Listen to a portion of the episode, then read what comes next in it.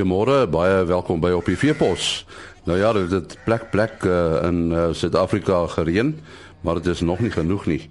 En ons gaan vanoggend gesels uh oor die droogte. Isak Hofmeyer het uh, met Omri van Sail, die hoofbestuurder van Agri Suid-Afrika gesels. Dis nou 'n aanleiding van 'n vergadering met rolspelers en uh hy gee sy siening oor die huidige situasie met die droogte. Waar ons is op die oomblik is die plantseisoen is amper verby en ons het nog nie verskriklik baie uh plantpresentasies in, in Suid-Afrika bewerkstellig nie. Die implikasie daarvan is dat ons dink die mielieoes hierdie jaar is is in gedrang en dit beteken dat ons sal moet mielies invoer. Dan het ons 'n 'n redelike ekstreme probleem in die uh, rooi vleisbedryf waar ons nie genoeg voer het om die diere mee te voer nie en dit het nou al reeds gebeur dat boere besig is om hulle diere te verkoop en diere is besig om dood te gaan as gevolg van die droogte.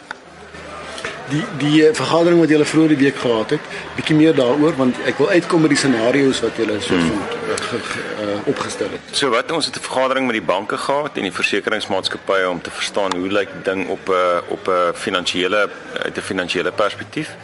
En ehm um, wat ons daar vasgestel het is dat die weer eens die plantseisoen baie min boere het produksiekrediet aangevra want boere het nog nie geplant nie want dit het nog nie gereën nie. Uh die voggehalte in die grond is baie laag. So ons gaan in byvoorbeeld in Noordwes meer reën moet kry as wat ons vorige jaar gekry het net om die voggehalte op te kry. En en die die nexus van die van die vergadering met die ehm um, met die banke en die versekeringsmaatskappye was dat ons 'n taakgroep in in plek gaan stel een om om inligting te versamel en twee om strategiese intervensies van stapel te stuur om seker te maak ons mitigeer die impak van die droogte. Uh, net gou die, die wat my nogal geskok het toe jy dit aan die aan die boere toegelig het is hierdie scenario's wat jy gemaak het 100% of 70% of 40%. Ja. Net so 'n bietjie daaroor. Alrite, so as ons is nou op die punt waar ons het nou al klaar baie min reën gehad en as ons nou 100% van die reën kry wat ons moet kry wyd versprei, want onthou as dit in een area reën en ons kan plan daar, beteken dit nie die ander areas is ehm um, is nie in 'n noodsituasie nie. Het ons gesê die um, ons gaan moet fokus op hoe ons die meganismes in plek gaan moet stel om om die situasie vorentoe te bestuur. Met ander woorde, ehm um, hierdie taakspan gaan fokus spesifiek op die klimatologiese aspekte, die finansiële aspekte, die bemarkingsaspekte en die logistiese aspekte daarvan om die, om die droogte te bestuur. En ehm um, ons het volgende week 'n vergadering en die die situasie is van so 'n aard dat ons byvoorbeeld 50% of 60% van die reën kry wat ons moet kry, dan sal ons tussen 5 en 7 miljoen ton mielies moet invoer. Nou ons het nie die fisiese infrastruktuur om dit te doen nie. En ehm um, en die logistieke elemente daarvan en byvoorbeeld witmielies kry net in in Zambië en en in Mexiko sal sal redelik problematies wees want dit kom teen 'n sekere premie tussen 30 en 60% afhangend van die mark. So wat dit beteken vir die vir die vir die vir die ehm um, die eindverbruiker is dat een dag gaan 'n tekort wees aan aan aan aan aan mielies en en aan meel en twee wat ons gaan kry gaan baie duur wees.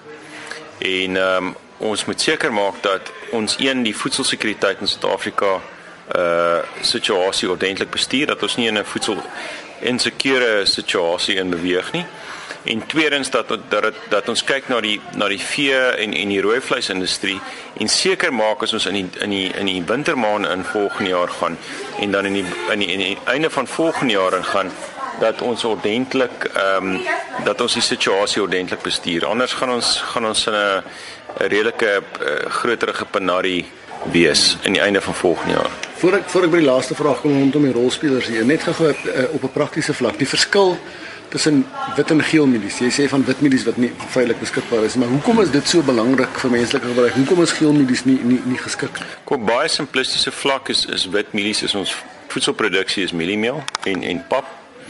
En en dit is eintlik maar waar dit is eintlik maar vir menslike konsumpsie. En geel mielies word oor die algemeen gebruik vir vir dierevoedsel want dit daar's baie hoë proteïen uh, inhoud en en tradisioneel en oor die jare is dit maar wat ons gebruik om vee mee te voer. Geelmielies is beskikbaar internasionaal in die mark. Dit word verhandel op die Chicago Stock Exchange, op Safex, ensovoorts. So dit is beskikbaar. Maar in 'n baie ekstreme situasie, uh sal ons sal ons moet kyk daarna of ons nie ons ons witmielie stapelvoedsel kan vervang met geelmielies of ten minste 'n mengsel van die twee nie. En dis maar, maar hoekom is dit 'n probleem? Hoekom hoekom doen ons dit nie in elk geval nie? Ek meen wat is die verskil regtig in terme van die geelmielie of die witmielie wat ek eet? Dit dit is 'n dit is soos hulle in Engels sê 'n consumer preference. So die ja. verbruiker die verbruiker verkies 'n witmielie met met wit met wit pap. Ja uh in steede van in die ou dae weet ek hulle het die twee gemeng en en en van die van die medelenaars het het regtig groot uh, reputasieskade opgedoen in die proses. En en in Afrika oor die algemeen is is is is wit mielies en en ehm um, mieliepap wit mieliepap wat wat mense eet en nie geel mielies nie. So dit daar's ook 'n kulturele en 'n verbruikers uh soort van uh hulle verkies dit wat die punt wat ek gou wil wil uitklaar tussen ons is uh dis 'n dis 'n verbruikersvoorkeur. Hmm. As ons in die moeilikheid is, kan ons die verbruikersvoorkeur 'n bietjie ignoreer terwyl hulle van van om magevol te kry. Kyk en ek dink verbruikers sal natuurlik aanpas by wat hulle kan bekostig. Hmm. Hmm. So as jy rys of geelmielies of iets anders kan kan kan kan bekostig en dis al wat jy kan kan bekostig, dan dan is dit wat jy sal koop. Ten slotte die die uh, jy het ook sterk verwys na na die die hele waardeketting wat sal mm. bydra. Hoe en wat wat voorsien jy? Kyk, ek voorsien eerstens moet ons eh, moet ons 'n eh, tipe van 'n projekbestuurkantoor hê wat wat die probleem is baie van die inligting sit in in verskillende entiteite reg deur die land. So dit sit by die landboumaatskappye, dit sit by die banke, dit sit by verskillende entiteite. So wat ons gaan moet kyk, ons gaan 'n holistiese siening moet kry van wat hier aangaan. Want want hierdie is 'n nasionale probleem. En dan gaan ons ook moet kyk na waar die die grootste areas in distress is en ons gaan moet kyk na hoe gaan ons hierdie ding bestuur om voedselsekuriteit te be, te bewerkstellig. Byvoorbeeld as 'n 'n intensiewe mielieproduserende area onder onder ernstige droogte droogte gebuk gaan en en dit het die potensiaal om om om die jaar daarna of die jaar daarna die voedselsekuriteit ehm um, probleem aan te spreek, sal 'n mens moet kyk na hoe jy daar verligting gaan bewerkstellig. Want jy gaan ons kan nie net beplan vir nou nie, ons gaan moet kyk na die volgende 5 na 10 jaar toe. Want bevolking groei, uh ons het 'n uh, inflasie probleem, ons het 'n uh, ekonomiese groei probleem. En as jy al hierdie goed in 'n pakkie gooi dan dan dan is die probleem eintlik meer bietjie groter as wat mens noodwendig antisipeer. En uh, ons moet seker maak dat ons die verbruiker beskerm in hierdie hele storie.